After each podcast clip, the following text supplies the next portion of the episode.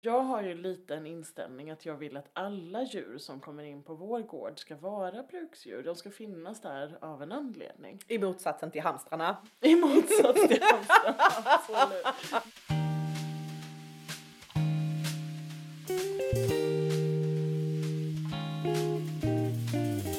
Välkomna till Annorlandet. En podd om att välja ett liv på landet med allt det underbara men också allt det skitjobbiga som det innebär. Stämmer den bonderomantiska drömmen? Ja, men det är det vi ska utforska i den här podden. Och ni kommer att träffa mig, Anna Lidbergius. Och mig, Anna Tenfelt. De två Annorna alltså. På landet.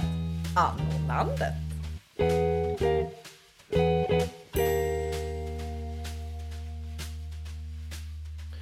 Anna, i förra avsnittet, vårt första avsnitt, så pratade vi ju om eh, eh, våra djur. Vad vi har för djur och vi pratade om det här med att ni hade inspirerat oss till att skaffa våra första djur på gården som ju faktiskt var höns. Och idag så tänkte vi prata om hur många djur kan en ha egentligen? det vill säga, ja men djur i allmänhet, vilka djur har vi, men vilka djur drömmer vi om att skaffa och varför har vi valt de djuren som vi har? Så vilka, vilka djur är det ni har på er gård egentligen? På vår gård just nu så bor det ju höns, som vi var inne på förra gången. Och det var ju en av mina drömmar när vi flyttade ut. Eh, en av sakerna som har legat bakom det har egentligen varit min farfar som alltid gick i sin villaträdgård. Och så gick vi runt och tittade på alla hans fantastiska odlingar och rosor. Och varje gång så sa han samma mening. Här skulle varit några höns. Är det sant? Och det är som fantastiskt fint minne. Men det har ju också varit min dröm sedan dess. Att ha höns som kan gå omkring och picka och sköta sig själva. Också för att jag tycker att det är ett spännande djur. De är så motståndskraftiga till allt annat som finns. De lever sitt eget liv och de hittar sätt att ta hand om sig själva hela tiden. Eh, Jag tycker att det är ett trevligt djur helt enkelt. Och det var den stora, stora drömmen. Och vi har många höns. Och du frågade mig innan idag, hur många höns har ni egentligen Anna? Jag vet faktiskt inte. jag håller inte räkningen. Just det. Nej. Eh, och och eh, det tänker jag kanske också är för att just nu så går ju era inne i er jätte, jättestora superfina hönsgård. Mm, mm. Så att de går ju inte lösa i trädgården och då räknar jag ju inte in dem på samma sätt på kvällen som eh, ni kanske gjorde innan och som vi gör då. För våra är frigående, även om vi har staket så har vi det runt hela gården. Mm, mm. så att det är ju eh, det är ju ändå så att vi räknar in dem på kvällen så att vi vet att alla har kommit in när vi stänger dörren och så. Men höns är ju också ett av djuren som vi har pratat mycket om med varandra. Att de är intressanta för att det är ett bruksdjur. Mm. Man njuter av dem när de går där men man får ju också ägg. Och magiska ägg. Alltså det är så mycket godare med äggen från de egna hönsen. Alltså dels så är det ju det på riktigt men sen finns det ju också en psykologisk funktion i det hela liksom. Att eh, det känns magiskt. Du och jag brukar ju säga att eh, det känns på riktigt som en skatt varje gång som en går ut i hönsgården och plockar ägg. Och det gör en ju varje dag. Så då får en ju Då får man en skatt. varje dag. Mm. Det tycker jag Det är är härligt. lyxigt. Men utöver det så har vi ju inte fler djur just nu. Eh, Det tycker vi Det har en- ni ju. Ja, vi har ju världens mest onödiga djur också. som kom till följd av att vi förlorade vår hund här för kort tid sedan. Och eh, då skaffade vi ju världens mest värdelösa djur, hamstrar. Som plåster på såren till våra barn. Och eh, det är väl den funktionen de har, plåster. Och det är väl en funktion som inte är att underskatta tänker jag. Absolut.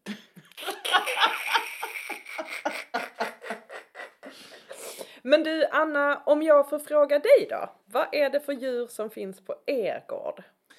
Ja, men som jag sa innan så var ju hönsen de första att flytta in och vi hade ju drömt om höns egentligen sedan ni skaffade höns. Alltså jag har ju ingen sån lång tillbaka i tiden som eh, har liksom en dröm om just höns. Utan det var ju när vi fick lära känna era och fick se dem gå runt och picka i trädgården och äta äggen. När, när du och jag varit ute på skogsturer och haft med oss äggmackor när vi plockat svamp och att det har varit det lyxigaste. Och sen när våra barn har suttit och gosat med de eh, tama hönorna i knät och sådär. Det, det har jag tyckt varit otroligt härligt.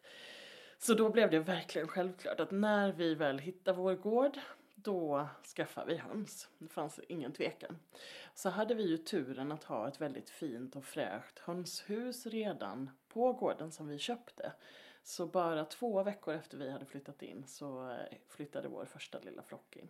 Du behövde alltså inte plåga din man en hel sommar att stå och bygga ett hönshus i 30 grader värme. Nej, det behövde jag inte. Däremot har vi såklart byggt och gjort förbättringar på hönshuset. Jag tänker det där är något som alltid fortsätter, ständigt pågående projekt. Göra hönshuset större, göra det bättre, göra så de har det härligare. Fler sittplatser, bättre matstationer. Reden och ja men visst. Och, och sen är det ju lite så, alla säger ju att eh, bygg större hönshus än vad du tänker dig för du kommer vilja ha fler höns än vad du tror från början. Och för oss har det verkligen varit sant. Alltså vi började ju, vi fick ta över en flock och det var ju superhärligt för att då fick vi ju ett helt gäng redan från början. Som redan kände varandra. Precis och funkade ihop och det var dessutom redan en blandad grupp så att vi har ju det här härliga av att ha många olika äggfärger i en och samma grupp och det har ju ni också och det var ju liksom eh, också en del av vår dröm.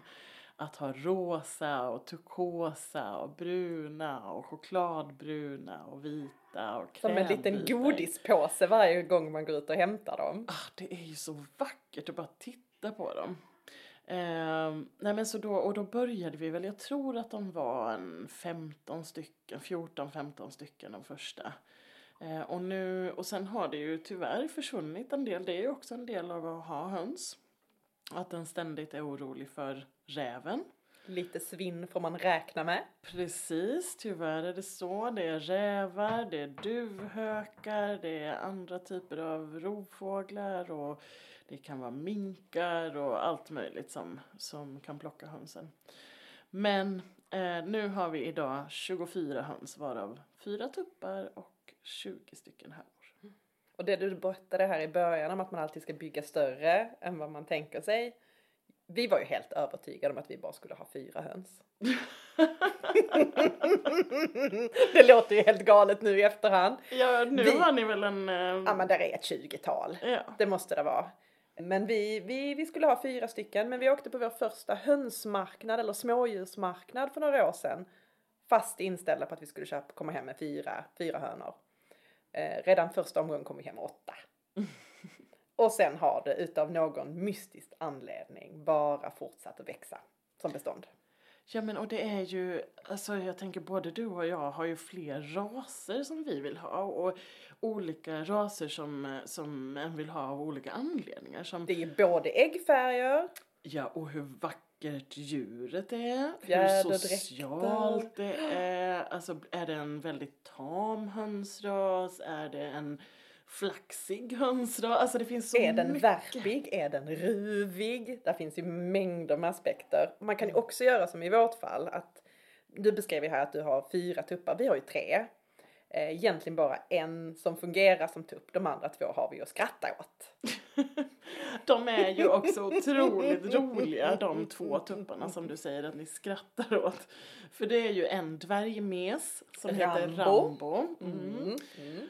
Otroligt gullig och han vill ju helst bo inomhus i ert Det räcker hus. ju att vi visar oss ute så kommer ju Rambo sättande och vill väldigt, väldigt, väldigt gärna få vara med. Tar gärna ett skutt upp på axeln, går de lösa i trädgården så går han ju på fönsterbrädet och pickar för att bli insläppt. Det är ju en innetupp. Ja, verkligen.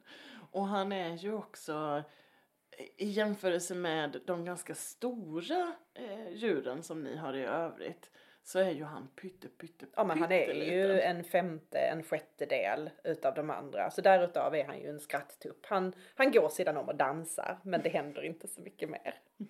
Och vår andra tupp som vi har, Biffen, är en showgirl-tupp, vilket egentligen innebär att han är puffig i sin fjäderdräkt, det är inte riktiga fjädrar, det är mer dun och en naken hals. Och en liten så Donald Trump-färgad kalufs uppe på huvudet som gör att han ser extremt löjlig ut. Alltså gud att du jämför honom med Donald Trump. Jag har alltid tyckt att han är så rolig och vacker. Usch nu kommer jag bara se. Ja vi får se. Vi får se, det är nog ingen som gråter om han hade hamnat i grytan en dag.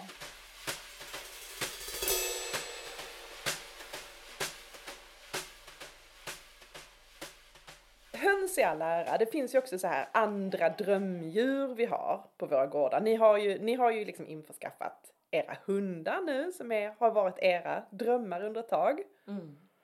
Ja precis och vi valde ju, för jag har ju vuxit upp med hund ända sedan barnsben och vi hade ju faktiskt kennel hemma till och med när jag var barn. Och Henrik har ju också haft hund tidigare. Men vi valde ju väldigt aktivt när vi bodde inne i centrala Malmö att inte ha hund. För att vi ville inte leva det hundlivet. Utan för oss så är ett hundliv väldigt aktivt, att, att vara ute i skog och mark mycket med hunden. Och sen som du var inne på med hönsen, så för oss så är ju hunden också ett bruksdjur. Och jag har ju lite en inställning att jag vill att alla djur som kommer in på vår gård ska vara bruksdjur. De ska finnas där av en anledning. I motsatsen till hamstrarna. I motsats till hamstrarna, absolut. Nej, vi kom ju fram till att de var plåster. Absolut, mm. det fungerar fantastiskt bra som ett bruksdjur på det sättet. Ja. Våra två hundar är ju jakthundar. Och vi har en jakt golden retriever Alltså inte den vanliga varianten som en eh, stöter på oftast utan eh, den är uppfödd för jakt och ser lite annorlunda ut än vad den vanliga golden gör. Och samma då så har vi även en jaktlabrador. Och de här eh, två raserna är ju båda två fågelhundar. Så att de ska ut på, på jakt så småningom. Nu är ju båda valpar och det är ju total galenskap att ha två valpar samtidigt. Jag är imponerad över det här. Och du sa vid något tillfälle att när man skaffar två stycken, det blir inte dubbelt så mycket så jobb. Precis. Är du beredd att ändra dig? Nej, nej jag är inte beredd att ändra mig. Jag tänker att jag pratade med en kompis för ett par veckor sedan eh, om just detta och då sa hon, ja men vi har ju tvillingar och det har inte varit dubbelt så mycket jobb. och då sa jag, nej men det är ungefär så vi tänker. Nu ska jag inte på något vis jämföra hundar med barn, för en sån person vill jag inte vara som på något vis blir en förälder. Ödmjukt, mycket ödmjukt av dig. men um, nej, jag tror inte det är dubbelt så mycket jobb. Och jag tror att de har, eller jag vet att de har otrolig glädje av varandra. Jättestort utbyte av varandra. Men för oss har det också mycket handlat om att klara av valptiden på kortare tid. Att inte behöva göra om valptiden igen om ett år. För vi vet ju att vi vill ha minst två hundar. Mm. Eh, så lite grann att vi river av valptidsplåstret. Sen får ju vi vara otroligt noga med att träna dem separat så att de liksom verkligen får vara sina egna individer, få sin egen träning. Och där är det ju så värdefullt att vi är två, mm. jag och Henrik, och kan liksom eh, hjälpas åt med eh, både träning och, och allt annat som ska fixas. Vi har ju egentligen en helt annan hundresa än vad ni har. Där jag levde under väldigt många år tillsammans med hund i stan. Och precis som du beskriver, det krävdes ju otroligt mycket av en själv för att kunna ge träningen och ge det aktiva livet på ett annat sätt. Eh, nu hade jag ju en hund som var otroligt sugen på att jobba tillsammans med med mig och tyckte att bollar var det mest fantastiska i livet. Vi spenderade ju timmar i veckan ute på Ribersborgsfältet och kastade boll och han hämtade. Och jag kastade och han hämtade. Eh, lite sjukligt men eh, mycket aktivt. Vi hade ju också mycket tid ute i skog och mark tillsammans så fort tillfälle gavs. Eh, och det var väl lite grann det jag längtade efter när vi väl flyttade ut på landet. Att kunna ha hund igen och kunna erbjuda lantlivet tillsammans med en hund. Eh, och vi införskaffade ju en hund. Vi har inte alls jakten. Jag äter inte en kött och lever inte i det livet. Men jag tycker ju om att ha hunden med mig i skogen. Så utefter det så valde vi ju att skaffa hund här för ett par år sedan. Eh, men som inte alls blev den hunden som vi önskade och som dessutom visade sig ha flera olika sjukdomar. Så tyvärr finns hon inte kvar. Så att hunddrömmen består. Jag har inte heller letat brukshund på det sättet som du har, utan jag har ju letat eh, sällskapshund. Men inom muskelhundssällskapet, jag älskar ju stora stabbiga hundar som det går att bläddra i ansiktet på. Och som jag gärna vill att de ska ligga nära mig och följa med på svampturer framför allt. Det är ju liksom min dröm. Så att nu är den nya hundjakten igång. Mm. Och jag tänker det här har vi ju också pratat en del om. Vi var inne på med hönsen att den får vara beredd på rovdjur. Det finns ju alltså massa annat meck också med hönsen. Det är hönskvalster och det är kalkben och det är ropp råttor har ni haft lite problem med. Och det. Mögel i hönshuset. Och... Ja, det är ju allt, allt möjligt och, och, samma, och så är det ju generellt med djur. Att när en köper djur då är det ett enormt ansvar mm. och en kommande sorg. Och för er så kom ju den sorgen alldeles för tidigt med Lisbeth, mm. med hunden som ni hade. Och det är ju också något, alltså en aspekt att ta med sig i djurhållningen, att den förlorar djur. Vi har förlorat flera hönor och vi älskar våra hönor. Det kanske låter helt bisarrt men Men det gör det man. Gör för man blir nära sina djur när man bor så som vi gör och man umgås med sina djur på det sättet som vi gör. Ja. Och ibland betyder det att behöva fatta tuffa beslut. Mm. Vare sig det gäller hunden som är multisjuk eller hönsen som har blivit utsatta för en rovdjursattack. Mm. Och då behöver en helt enkelt fatta beslutet att ta bort den. Och med hönsen behöver en ju också tänka på att göra det på ett humant sätt. Med hunden åker en ju till veterinären. Ja, med men... hönsen är det inte riktigt så. Och där är det ju också det här som vi har pratat om tidigare med varandra. Att vara den ansvarsfulla djurägaren och kunna ta det beslutet fastän man inte vill. Mm. Och veta om att det här är det korrekta att göra. Och göra det på ett bra sätt, precis som du beskriver. Och ja, när man bor på landet med sina höns så behöver man emellanåt avliva dem. Det är också ett sätt att sätta djuren först.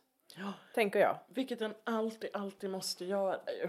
Eh, och det är en bra lärdom för våra barn. Eh, vi pratar mycket med våra barn om, de är ju inne i tonåren och det blir ju rätt egocentrerad och kanske tänker mest utifrån sin egen lilla bubbla och sådär. Mm. Men, men de har tjatat i så många år att vi ska ha hund, att vi ska ha katt. Och nu har vi två hundar och fyra katter och då måste de också prioritera djuren. Så det är verkligen återkommande i vår familj, den här diskussionen om ansvar över ett liv. Och, och det, är ju på samma sätt hos oss där vi har istället två yngre barn som ska mötas med hundar och mötas med djur och på något sätt att förstå att man måste ha respekten för hur de för sig och hur de lever. För att man kan inte agera precis hur man vill. Just nu så är vi ju i stadiet inte krama sönder hamstern. Inte klappa ihjäl hamstern. För även om jag tycker att det är världens löjligaste djur så får vi på något sätt ta ansvar för att den lever bra. Såklart. Och det har ju varit vår stora utmaning med hund med hund och med barn som inte har haft hund tidigare. Att lära dem att sätta gränser för hur man är med hundar, hur man är med en liten valp, hur mycket den måste få sova och få lov att vara i fred. Och det var ju jätte, jättesvårt när Lisbeth kom in i vårt liv. Där, där vi, vår yngsta, väldigt, väldigt, väldigt gärna ville vara med den hela, hela tiden. Och samtidigt tänker jag att det är så värdefullt för barnen framför allt kanske. Att ha djur i sitt liv från att de är små. Mm. Och att eh, få ta det ansvaret, få vara delaktiga i skötseln av andras liv helt enkelt. Nu är annorna törstiga. Vad har ni i glaset idag? Det här är en iscider. Och den kommer från Brännland. Så det är ett isvin som är skapat av svenska äpplen Eh, och det finns ju såklart på Systembolaget och det är fantastiskt sött utan att vara sliskigt. Det finns en syrlighet i det. Så att det tycker jag vi skålar för. Skål! Skål! Jag har ju druckit eh, Ice Wine innan men Mm. iscider har jag faktiskt inte provat. Det här var ju så gott. Och precis som du beskriver det så är det ju liksom, det är sött. Det är ju, jag skulle använda det som dessertvin. Det är precis så som vi har druckit det. Ja. Också som dessertvin eller som vi bara gör just nu. Ja, men lite aperitif så. lite sådär. Eh, Men det är ju jättehög syra i det. Det är ju så att det nästan krullar sig lite på tungan och det gillar ju både du och jag. mm, mm, mm. Vi vill gärna åt det där lite syrliga, lite... Ja, men det känns lite förfinat. Ja, det är gott.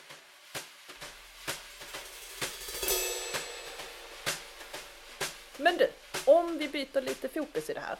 Om du skulle få välja precis vilken hönsras du vill Åh. just nu. Alltså jag vill ju ha Ayam Semani. Det är min drömmigaste ras. Jag tycker de är så otroligt vackra. Det är alltså en, eh, och nu berättar jag kanske det mer för de som lyssnar än för dig Anna. För jag vet att du också har stenkoll på Ayam Semani. Men det är ju en helt svart hönsras. Helt svart som i att kammen är svart och näbben är svart och eh, benen är svarta, klorna är svarta och inälvorna ska till och med vara Mm. svarta. Plockar du dem så är de ju helt svarta i hud och kött, Mm. allting. Ja, det är väldigt märkligt. Och det är det du drömmer om? Ja, Jag tycker de är så vackra. Så det är en av mina drömraser faktiskt. Jag blir ju lite förundrad över det här just när solen står på dem. Att de blir den här skalbagggröna skimret i fjäderdräkten som jag tycker är helt magiskt. Sen tycker jag att vår faveroll, vi har en faveroll. Och jag tycker att Det är hon är skäggis. så rolig. Det är skäggis. och eh, hon är så rolig. Hon är som en liten tant. Eh, och jag tycker att det är så härligt med små tanter. Ja, jag förstår så precis. eh, några fler faveroller kommer det Mm, nog bli mm. hemma hos oss också. Vilken är din drömras Anna? Alltså just nu, jag är rätt så nöjd med vårt bestånd just nu. Det är otroligt blandat. Väldigt, väldigt många blandade lantraser egentligen. Men skulle jag, skulle jag vilja utöka vår flock med, det kommer vi säkert göra här nu under våren, det är svårt att värja sig. Men jag skulle nog vilja ha fler mesar just eftersom att Rambo är en så otroligt rolig tupp så hade det varit roligt att ha en liten flock runt honom med, med hönor. Skulle jag utöver det så tror jag jag hade velat ha några nu som var mer sug, alltså mer spännande fjäderdräkter. Och då tänker jag att Wyandotter finns i så fantastiska färger. Nu har vi redan några men jag, ah, några nya Wyandotter kanske. Mm. Det har ju jag också varit inne på. Jag tycker att de är otroligt vackra. Men sen just nu så tycker jag också att det är kul att fokusera på att eh, ha olika vackra äggfärger. Och eh, jag har ju faktiskt fått sex stycken avelsägg från dig Anna. Och eh, det är ju en färg som jag ännu inte har på äggen, det vill säga de olive eggers som du brukar kalla dem och som de uppenbarligen heter. Men, alltså, det är ju en blandras i botten där man har blandat ihop olika Mm. Och då är raser det med olika äggfärg. grönvärpargenen och sen är det väl maraner med Precis. mörk chokladbruna Mm. ägg. Och då blir det en otroligt vacker olivgrön Mm. skalfärg. Så att jag har ju faktiskt 12 ägg under en ruvande höna i talande stund och de ska ju kläckas imorgon eller övermorgon beroende på hur en räknar efter 21 dagar. Spänningen är olidlig. Ja den är faktiskt det är olidlig. ert första egna kläck, eller hur? Ja, det Mm. är det. Och det ska bli jättespännande. Vi har ju haft ett antal kläck. Både naturruvade men också i kläckar här hemma och det är lika spännande varje gång. Mm. Där är någonting som händer med där man gärna skulle vilja sitta nonstop framför och titta på när de faktiskt kläcks. Men det är det jag tänker nu. För jag tycker det är fantastiskt att vi eh, får naturruvade. Det är ju helt bundet av att det finns en höna som faktiskt vill ruva. Just när den själv vill Och ha ni ägg. körde ruvtestet. Vi körde ruvtestet, vi lät henne då ligga i eh, fem dagar och plockade bort äggen från henne varje dag för att se så att hon faktiskt låg kvar. Eh, för ibland så slutar de ju ruva efter ett par dagar om en plockar bort äggen. Men eh, då... Än så länge har hon inte gett upp. Nej, och nu är vi ju då inne på dag 20 egentligen idag. Mm. Så otroligt spännande. Så hon ligger, och jag tycker att den märker också nu, för vi går ju och kollar under henne varje dag, för de andra hönorna vill ju gärna lägga dit extra ägg. De lägger ju ofta ägg hos ruvande hönor, eh, lägger de sina egna ägg.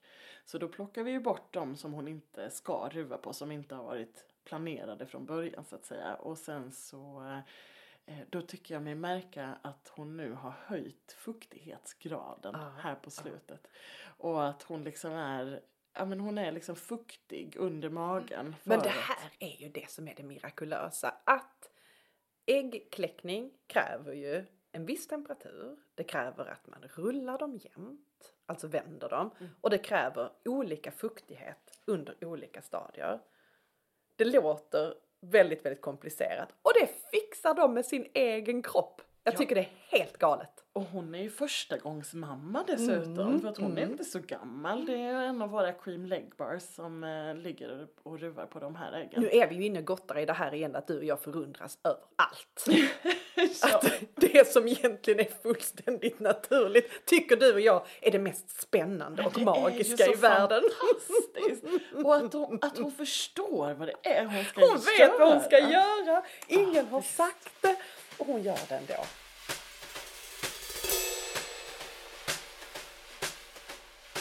Vi har kunnat se hur läskiga höns faktiskt kan vara.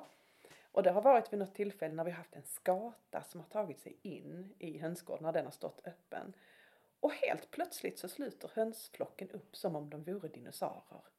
De jagar ner skator på ett sätt som man tänker det här är helt orimligt, ni ska inte vara rovdjur. Men då helt plötsligt så kan man se hur de faktiskt tänker och rör sig i flock för att bli av med inkräktaren. Lite obehagliga kan de vara då. Ja, och vi har inte heller haft några större problem. Men ni har väl Eh, haft vid tillfällen när någon har varit skadad? Precis, och det, och, så att när vi har satt ihop nya höns med flocken då har vi ju gjort som ni, att vi har satt in dem på kvällen faktiskt efter råd från dig skulle jag säga.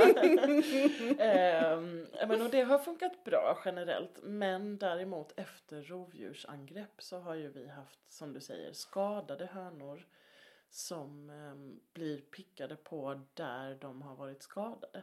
Och det är en väldigt vanlig grej om en höna blöder att de andra är där och pickar. Ja men precis, för att ni har behövt använda blåspray. Precis, då har vi använt blåspray på såret och det är ju både för att det ska läka snabbare och det eh, tar bort bakterier och, eh, men också för att det då ska pickas mindre. Men i flera fall eh, så har vi faktiskt behövt separera dels den skadade hönan tills hon har läkt, vilket brukar gå ganska fort för att de har ju ett mirakulöst läkekött, det är helt otroligt. Eh, då har de fått bo, vi har ett annat lösdriftsstall som, som vi har använt som eh, de kan gå i. Men sen om de pickas på så att såret pickas upp igen då flyttar vi istället hönan som pickar. Och det brukar funka om hon får vara själv i ett par tre dagar eh, med någon kompis liksom i en annan miljö. Så när hon kommer tillbaka då är hon inte lika utmobbande längre. Det här är jättespännande det du säger för att det här miljöbytet har man liksom hört i flera andra, i flera andra forum. Och då framförallt för att locka bort höns som är ruvgalna. För vissa raser är ju fullständigt ruvgalna och i princip inte vill göra någonting annat än att ligga i redet och ruva med eller utan ägg. Och de kan ju gå till sådana längder att de inte ens går och äter och dricker längre, vilket gör att de faktiskt svälter sig över, över tid.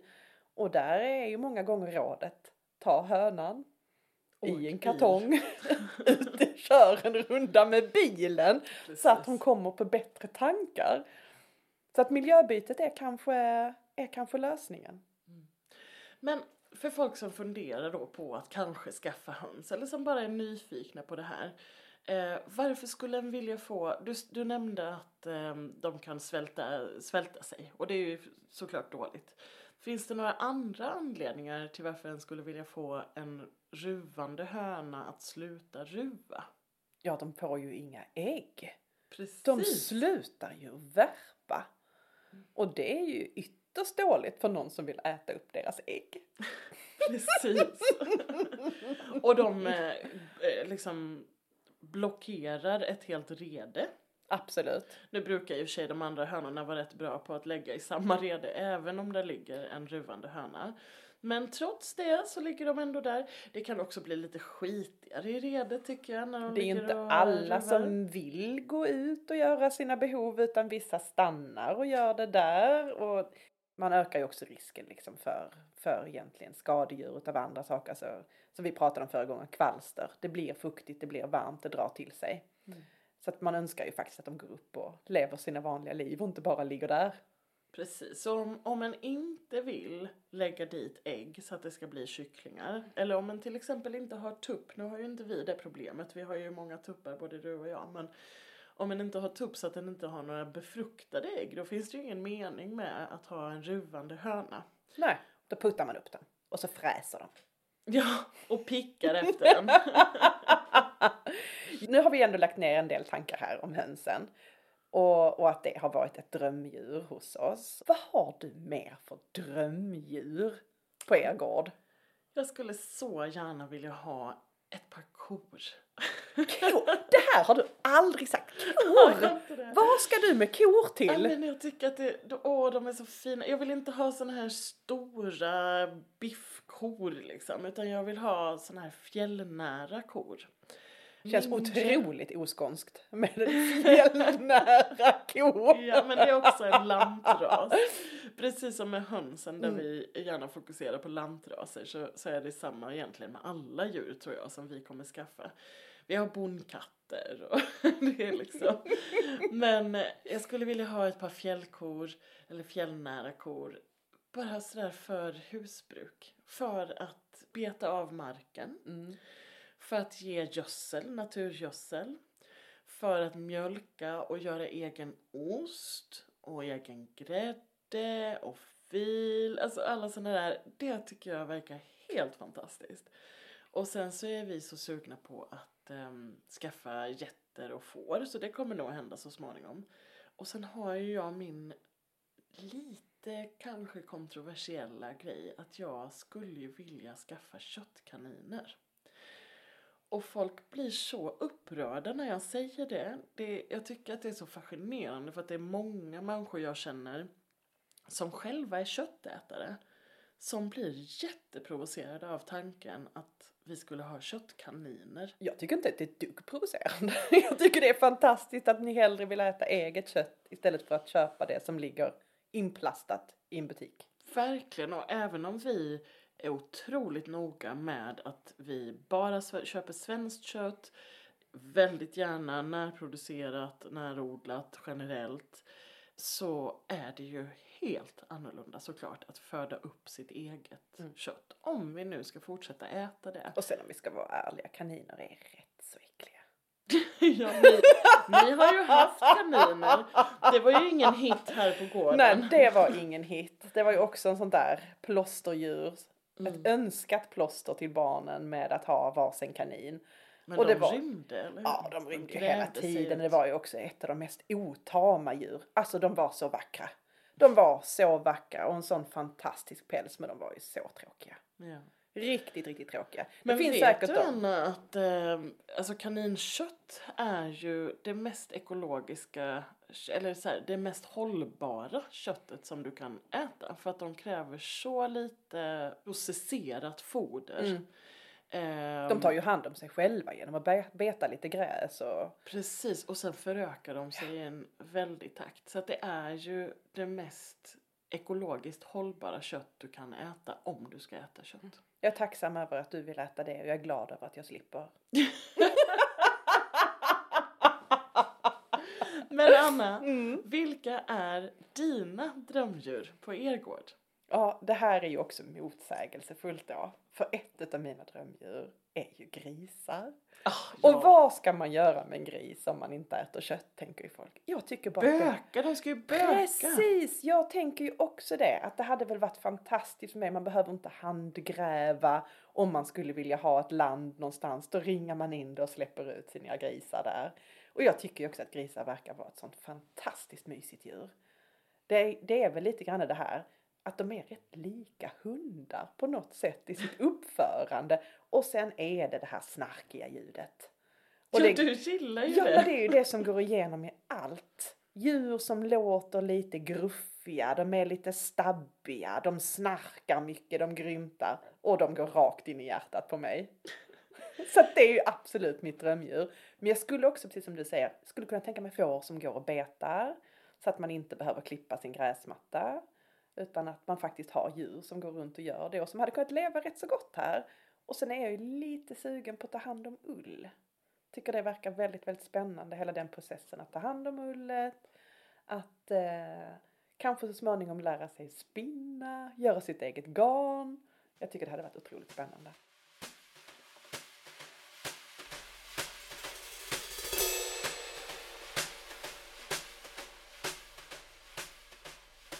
Just nu är ju drömmen om en ny hund. Det är svårt att ersätta, men vi behöver en ny. Så Du har ju två, så jag kanske Ja, kan- du vill ha den ena.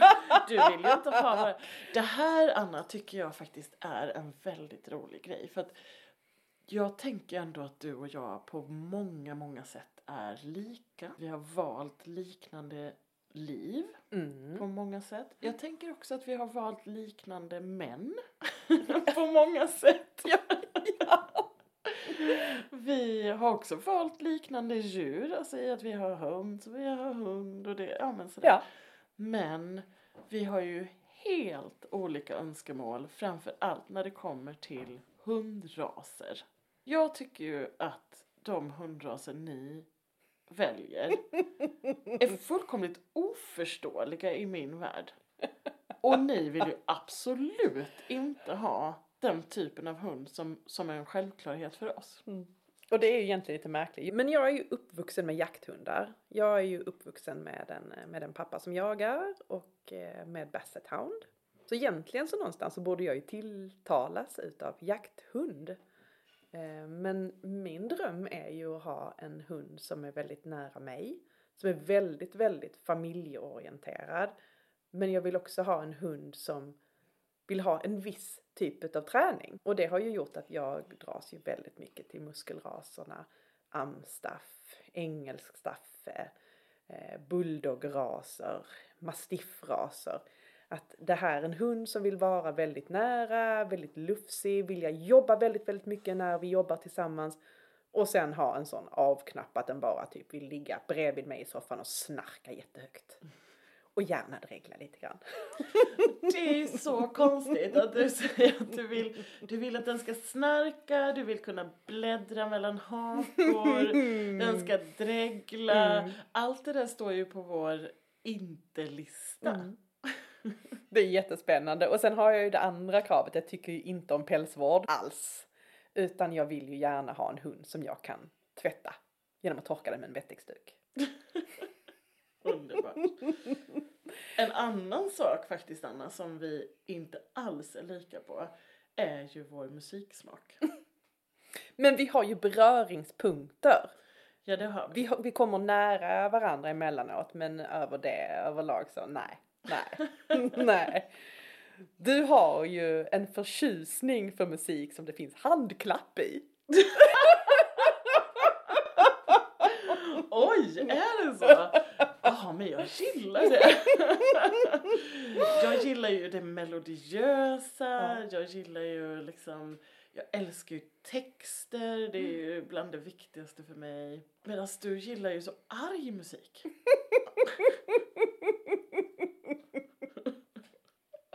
Det är absolut en del av mig som gillar arg musik.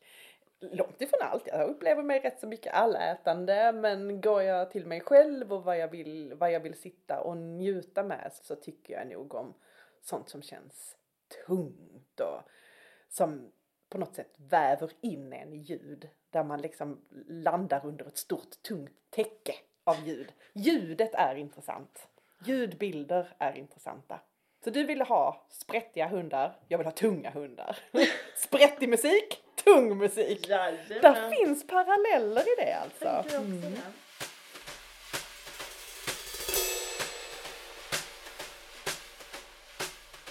Jag inledde ju det här avsnittet med frågan egentligen. Hur många djur kan en ha egentligen? Har vi överhuvudtaget kommit fram till något svar på det? Jag upplever inte att vi har det, för vi har mest pratat om de djur vi har, men också vilka djur vi skulle vilja ha. Och den listan skulle nu kunna göras väldigt, väldigt lång. Och ska vi svara på den egentligen så är det ju ett oändligt antal djur. Just det. Så helt obegränsat med hur många djur en kan ha. jag vet inte, jag vet inte om våra makar hade varit benägna att säga precis samma sak Nej, som vi gör inte just det. nu. Annorna frågar. Någon annan? Okej Rasmus, välkommen till podden. Tack. Du är ju gift med mig. Ja. Och eh, i det här avsnittet har vi pratat väldigt mycket om djurhållning, jag och Ja. Anna. Hur många djur kan en ha egentligen? Ja. Jag delar inte riktigt ditt djurintresse. Jag har inget emot djur.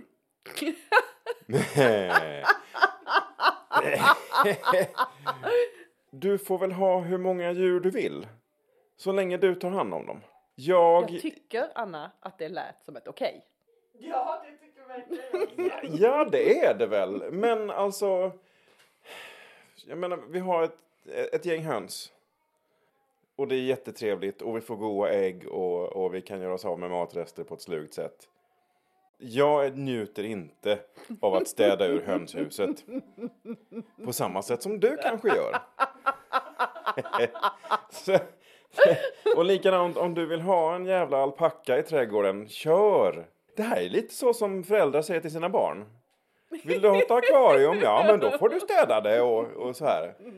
Ja, men vad härligt. Då vet vi okej på alpacka. Ja. Eh, jag börjar skissa på en ritning till bostad. som Ja, kan få nu är vi ju där, mig. nu är vi ju där, nu är vi där. Alltså, eh, jag, jag är beredd att göra avkall på, på eh, när det kommer liksom den underliggande logistiken. Så som att bygga grejer, för det tycker jag är helt festligt. Men när man sen ska gå ut och gå med den här jävla alpackan eller tova ullen till någon alpackasjal eller vad du nu ska sticka. Det får du göra själv. Ja. Och om du är nöjd av det, då är jag nöjd av det. Jag tror att det här sammanfattade vår tes också, Anna. Man kan ha oändligt många djur. Tack så mycket Rasmus! För all del.